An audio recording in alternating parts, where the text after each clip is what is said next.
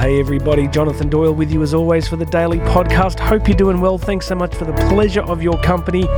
We're coming at you live 365 days a year. A few days ago, people were asking, why every day? 365 days a year? Would you have to do a Christmas day? The answer is yes, because I have no idea who I may possibly reach with some encouragement and inspiration on Christmas Day. I once spent Christmas Day, I think it was 1994 in a hotel room in Stuttgart. Christmas Day, we're traveling.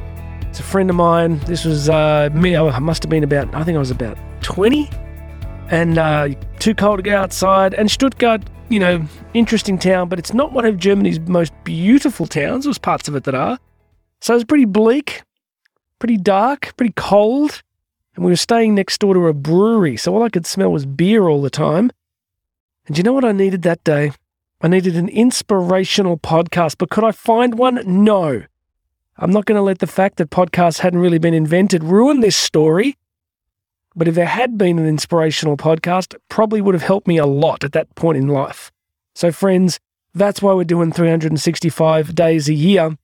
And also, we're doing it 365 days a year because it is part of today's, I guess, um, theme, the theme we're going to be talking about in this episode. Just before I do that, would you make sure you've subscribed? Hit that subscribe button uh, leave a rating, leave a review, and go and check out all the show notes. There's tons of stuff here that uh, could be really useful to you. You can book me to speak live. You can get free access to my book, Bridging the Gap. It's all there in the description notes. So please check those out. Today, my friends, we're going to talk about something uh, that's really central to what I'm trying to do here. We're going to talk about commitment because at the time of recording this, it's a Sunday. I'm in the studio. I've already put a lot of time in with family. I'm going to put a lot more time in with family once I get back out of the studio. But I want to be really honest with you. Today's one of those days when you're like, you know, I'd love to have a day off. I'd love to kind of just, you know, maybe I'll pick this up tomorrow. Maybe it doesn't matter whether I get through this today. But there's a few things going on for me as I talk to you, and I'm always trying to talk to you about things that uh, that I'm trying to live and that I'm trying to do because I don't want to advocate them to you if I'm not doing them.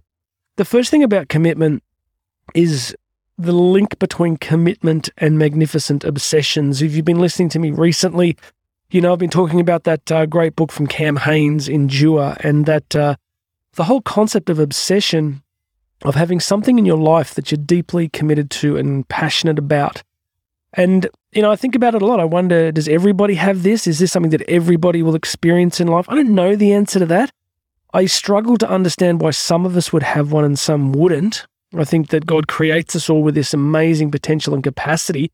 And I just can't imagine that um, some of us would uh, be blessed with a, a passionate desire to to do something in this world, and some of us aren't. So I'm going to take a, a, a, gamble here and say that I think we all have the capacity to find something really worthwhile to be committed to and obsessed with in this life. And when we find it, one of the crucial things is commitment, is the ability to stick with it even when it's particularly difficult. Hence me being here in the studio, wanting to stay faithful to this path and wanting to make sure that I'm putting content in front of people every single day, regardless of how I feel, regardless of what's going on. Because if I don't do that, then I guess what I'm doing is um, uh, I'm lacking the integrity to tell you to, to, to tell you to do something that I'm not doing myself. And I know a few listeners always like, but what about when you need a break? What about when you? I do have those. I did a rep- uh, an episode on that very recently. But I also think if you're going to really try and do something useful and worthwhile, you got to stay committed to it. So I want to give you a couple of good quotes on this that I um, researched. The first one's from Pat Riley. Pat Riley, as you would know, was the uh, coach of the. Um, was he the coach of the Lakers? Oh my gosh, basketball fans are going to lose their mind uh, if I get this wrong. I'm pretty sure Pat Riley. I hope it wasn't the Chicago Bulls.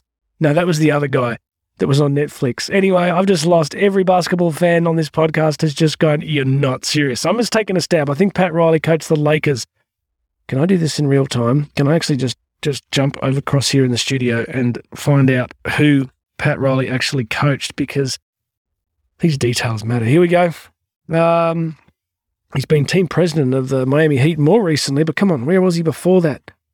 Oh gosh, hang in there, people. I'm going. I got you covered here. I don't want you to I don't want you to miss out. He played, but um, his coaching career, here we go. I was right. God bless you, baby Jesus. He was the coach of the LA Lakers from 79 to 1990, then the Knicks, and then the He's still doing some work with the Miami Heat, but probably famous for most of us for the LA Lakers. And a whole bunch of you non basketball fans just went, Really? We had to wait for that? You did. Now you know. If somebody holds you at gunpoint the next 24 hours and says, Who was Pat Riley coaching in the 1990s? You'll, you'll know the answer. Then you'll thank me. He says this there are only two options regarding commitment you're either in or you're out. There are only two options regarding commitment you're either in or you're out. I like it.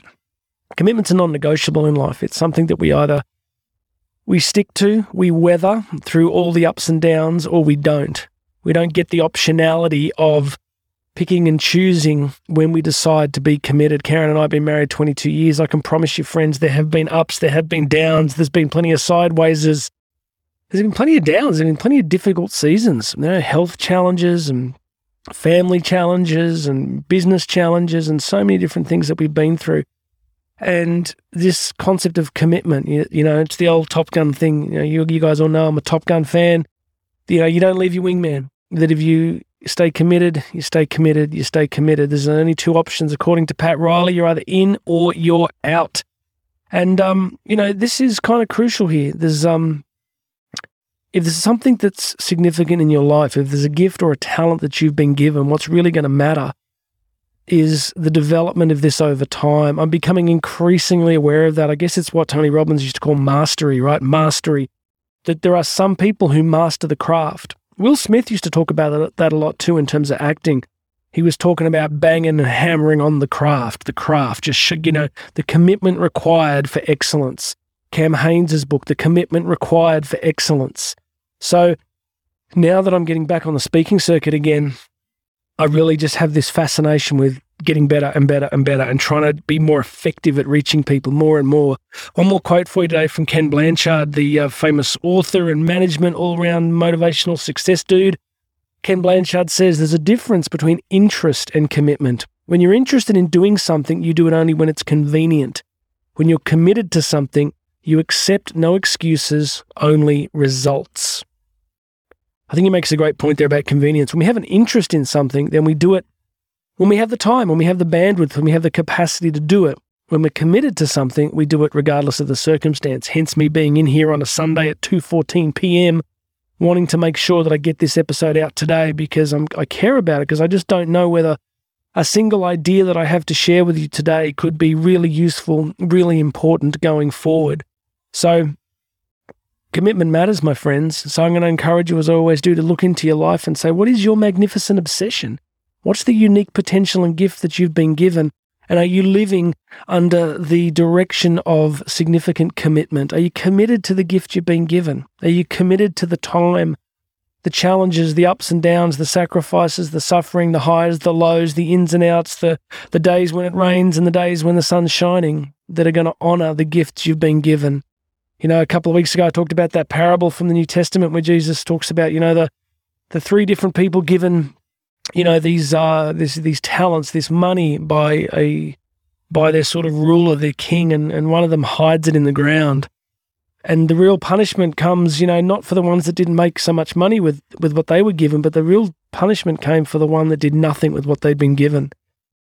So maybe that's something we're thinking about that the uh, the answers we're going to have to give on the other side of this life are going to be what did you do with what you were given? How committed were you to it?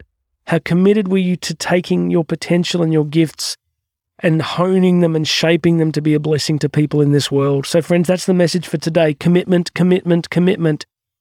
I don't think you're mediocre. I don't think you're average. I don't think anybody's created or made to be average or mediocre, whether it means that you're an artist or a brain surgeon or a street sweeper or a bus driver, all of these things. You can drive a bus with joy. You can make it a fun experience for people. You can be try to be the best bus driver you've ever been if that is the charisma and the talent and the gift that God's put on your life. So it really doesn't matter what the gifting is, it just matters with how much we honor it and how grateful we are for it and the commitment that we bring to it on a daily basis. All right, that's it from me on this one. Uh, please make sure you've subscribed. Um, there'll be a link here to the YouTube channel. If you want to come and check out the YouTube channel here, that would be awesome. I would love you to do that.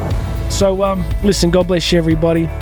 Um, I am committed. I'm committed to you. I'm committed to everybody listening to this. I'm going to be here for the long haul. I'm going to keep producing content, whether it's just me and my mother listening, or whether it's 50,000, 500,000, or 5 million people. I'm just going to keep producing. I'm going to stay committed to my passion to helping people. I'm going to stay committed to my passion to liberate people's potential. I'm going to stay committed to showing up every day and bringing this to the world. And I hope you can do the same with whatever magnificent obsession you have and whatever remarkable gifts you've been given.